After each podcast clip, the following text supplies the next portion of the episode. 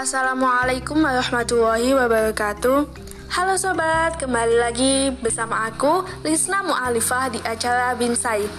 Kali ini kita akan lanjut podcast dengan tema fikih muamalah kontemporer terhadap jual beli online dengan sistem transaksi dropship.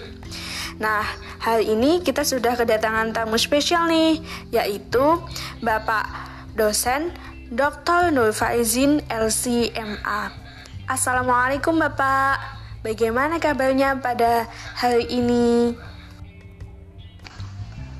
Waalaikumsalam warahmatullahi wabarakatuh. Alhamdulillah, kita semuanya baik. Ya, silakan. Baik, selanjutnya pada acara bincang-bincang santai syariah hari ini, saya akan kembali membacakan tema yaitu fikih muamalah kontemporer terhadap jual beli online dengan sistem transaksi dropship.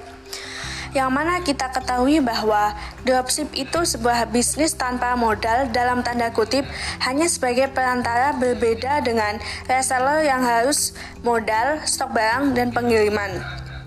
Untuk selanjutnya, saya akan bertanya kepada Bapak Nur Faizin, bagaimana hukum jual beli dengan sistem transaksi dropship yang mana si penjual atau pembeli tidak mengetahui kondisi barang secara terperinci atau jelas?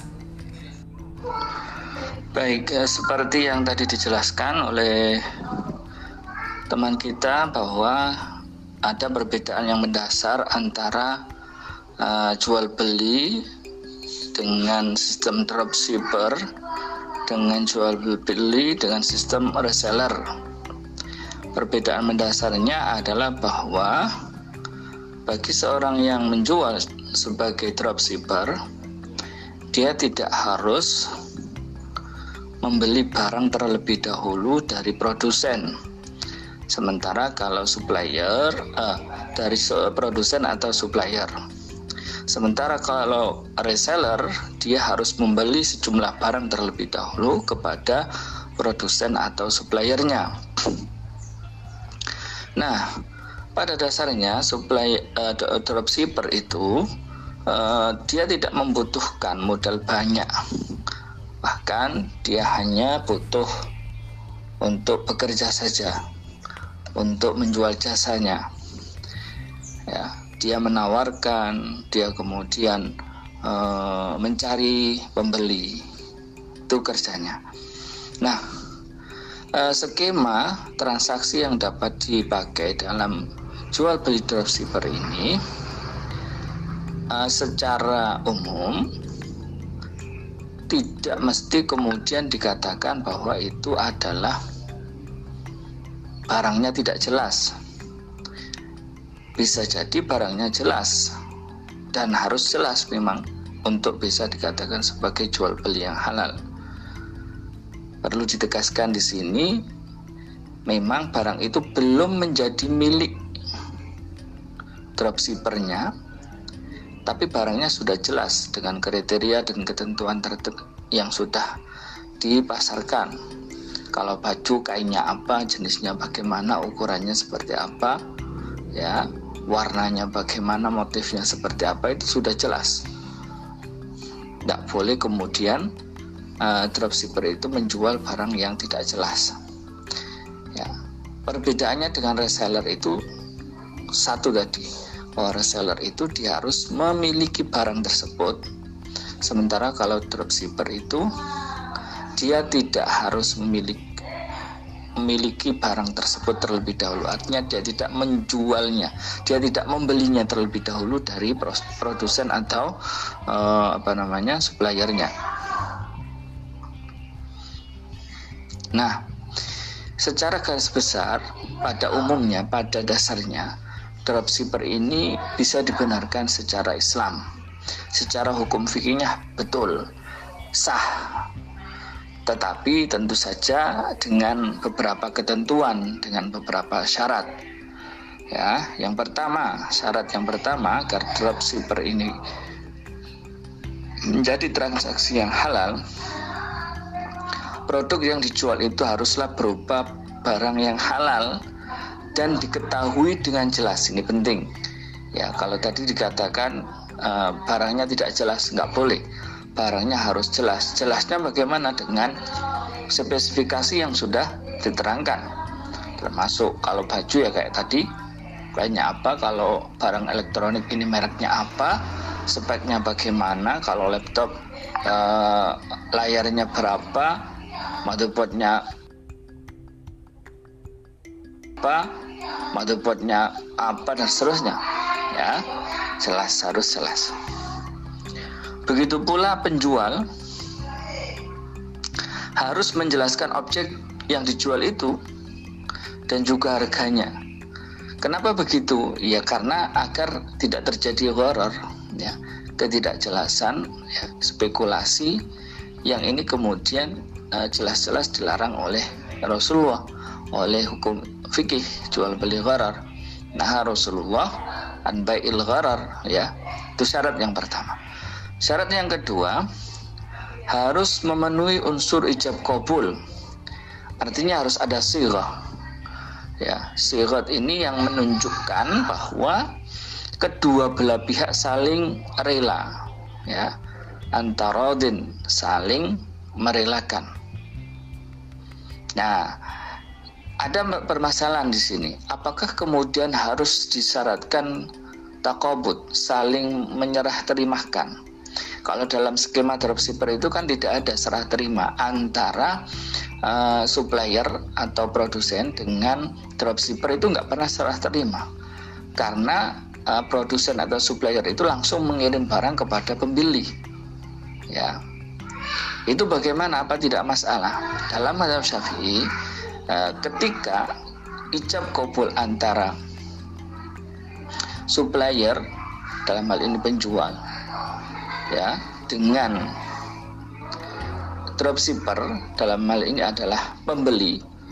Setelah terjadi ijab dan kabul ya maka barang itu sesungguhnya sudah menjadi milik si uh, dropshipper. Lalu kemudian dikirimlah dijuallah kepada uh, pembeli sehingga kemudian itu diperbolehkan. Syarat yang ketiga akad antara dropshipper dan pemesan atau pembeli itu jual beli tidak tunai jual beli yang uh, pembayarannya atau serah terimanya tidak langsung hmm. ya sebagaimana antara reseller dengan pembeli hmm. itu juga barangnya tidak langsung diberikan Sedangkan antara akad antara dropshipper dengan supplier merupakan akad ijaroh. Nah ini penting. Jadi uh, ini yang kemudian uh, keuntungan yang didapatkan oleh dropshipper itu adalah dari akad ijaroh ini.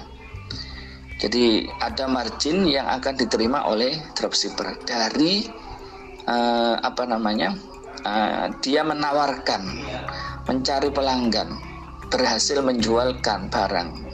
Itu yang kemudian diberikan upah ya oleh supplier atau oleh produsen. Dan akad ijarah semacam ini eh, sudah sesuai ya, sesuai dengan ketentuan fikih ya.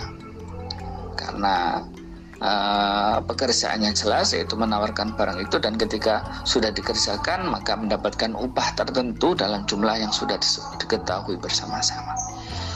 Nah, dari penjelasan itu maka uh, tidak bisa kemudian kita katakan bahwa jual beli itu dengan dropshipper itu pasti tidak boleh begitu. Justru boleh jika memenuhi ketentuan dan syarat-syarat yang disebutkan tadi. Tapi jika ada syarat yang tidak dipenuhi, tentu saja apa pun akad itu, transaksi itu jika ada syarat yang tidak dipenuhi, maka menjadi akad yang fatal atau tidak sah. Terima kasih Bapak atas jawabannya. Selanjutnya, saya akan bertanya, ketika terjadi sebuah masalah dalam akad dengan sistem dropship, siapakah penanggung jawab utamanya mengingat dropshipping hanya sebagai perantara? Baik, ini permasalahan yang timbul itu nanti kita perlu identifikasi terlebih dahulu. Permasalahan apa yang dimaksudkan? Jika permasalahannya itu muncul karena misalkan barang tidak sesuai dengan yang dipromosikan, maka uh, pembeli dapat komplain kepada dropshipper. Nah, komplain ini juga harus diteruskan kepada supplier atau produsen agar bisa ditindaklanjuti. Jika memang betul-betul terbukti bahwa memang barangnya tidak sesuai yang dipromosikan, maka penjual harus bertanggung jawab. Dalam hal ini adalah dropshipper sekaligus produsennya. Artinya bahwa pembeli punya hak untuk membatalkan akad itu dikembalikan. Hak untuk mengembalikan itu ke alamat pengirimnya. Selanjutnya produsen juga punya kewajiban untuk mengembalikan uangnya. Ini jika permasalahannya adalah muncul ketika barang tidak sesuai dengan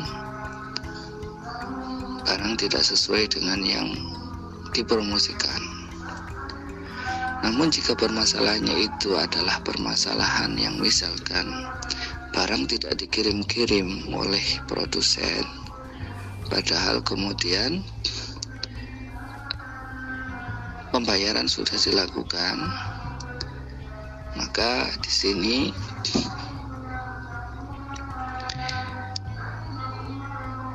dropshipper punya kewajiban untuk menyelesaikan permasalahan ini.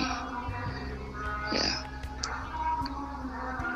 Yaitu dengan cara memaksa pihak produsen untuk segera mengirimkan barang tersebut.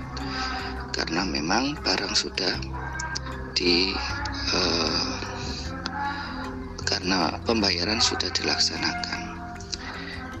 Itu setidaknya jika perlu diidentifikasi terlebih dahulu permasalahannya bagaimana karena memang dalam jual beli apa pun baik itu jual beli secara cash maupun jual beli yang tidak cash termasuk uh, pesan memesan atau yang kita kenal dengan akad salam itu pun semuanya akan ada resiko-resiko yang mungkin saja muncul. Begitu jadi tadi adalah pertanyaan terakhir kita. Terima kasih banyak kepada Bapak dosen Dr. Nur Faizin LCMA yang telah berkenal ngobrol bersama Lisna hari ini dan Sobat Binsai apabila ada salah ucap, aku mohon maaf ke teman-teman. Semoga kita selalu sehat dan semoga obrolan kita hari ini bermanfaat bagi orang lain. Makasih ya Bapak dan makasih juga udah share ilmu ke kita semua.